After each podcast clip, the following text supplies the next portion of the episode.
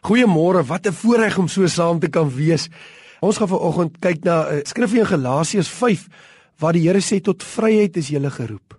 Tot vryheid is jy geroep. Wat beteken dit om vry te wees? Wat beteken vryheid? Nou ek weet 'n mens kan nie in 4 minute volledig praat oor vryheid nie. Ek wil eintlik 'n voorbeeld gebruik van wat in Handelinge 16 gebeur het. Maar iemand het eendag gesê uh, dwaase vryheid of 'n skynvryheid is soos iemand wat van 'n gebou af 'n hoë gebou af spring. In daai oomblik, wanneer hy spring, is hy totaal vry. Maar dan neem 'n ander wet oor, die wet van gravitasie, wat op die ou end sy vryheid heeltemal sal uitwis.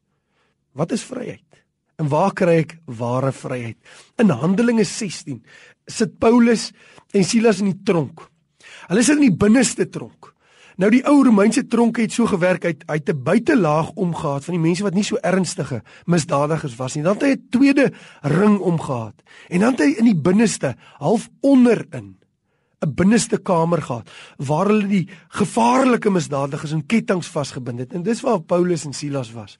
Maar dan sê Handelinge 16 'n fenominale ding gebeur. Hulle is besig om die Here te loof en te prys. Hulle is besig om vir die Here te eer al sit hulle in blokke in 'n nat gat vas is hulle besig om die Here te loof en te prys. Want daar is 'n vryheid in hulle siel wat nie weggeneem kan word deur kettinge wat hulle bind of 'n tronk wat hulle vashou nie. En hulle is besig om die Here te loof en te prys. En dan wat gebeur? Daar kom 'n aardbewing 'n geweldige aardbewing kom. En die tronkdeure gaan oop en al die mense se boeye gaan af sê die Bybel. En dan sien die tronkbewaarder dit en hy wil sy eie lewe neem. En dan sê Paulus die verstommende woorde. Hy sê: Moenie jou lewe neem nie. Ons is almal hier. Verstaan nie wat gebeur het? Dat die mense die gevangenes toe die tronkdeure oopgaan. Toe hardloop hulle nie buitentoe weg nie, toe hardloop hulle binne toe.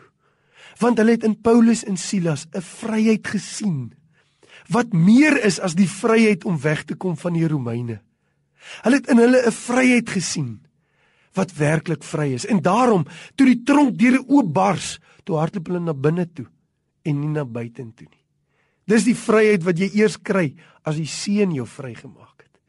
Jy sien die Bybel sê jy sal die waarheid ken en die waarheid sal jou vrymaak. Eers as die Seun jou vrygemaak het, dan is jy werklik vry. Weet jy daar's 'n vryheid.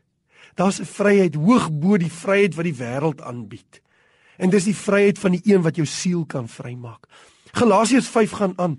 Dan sê hy jy moet lewe volgens die Gees sodat jy nie hoef te doen wat jy wil nie. Vryheid.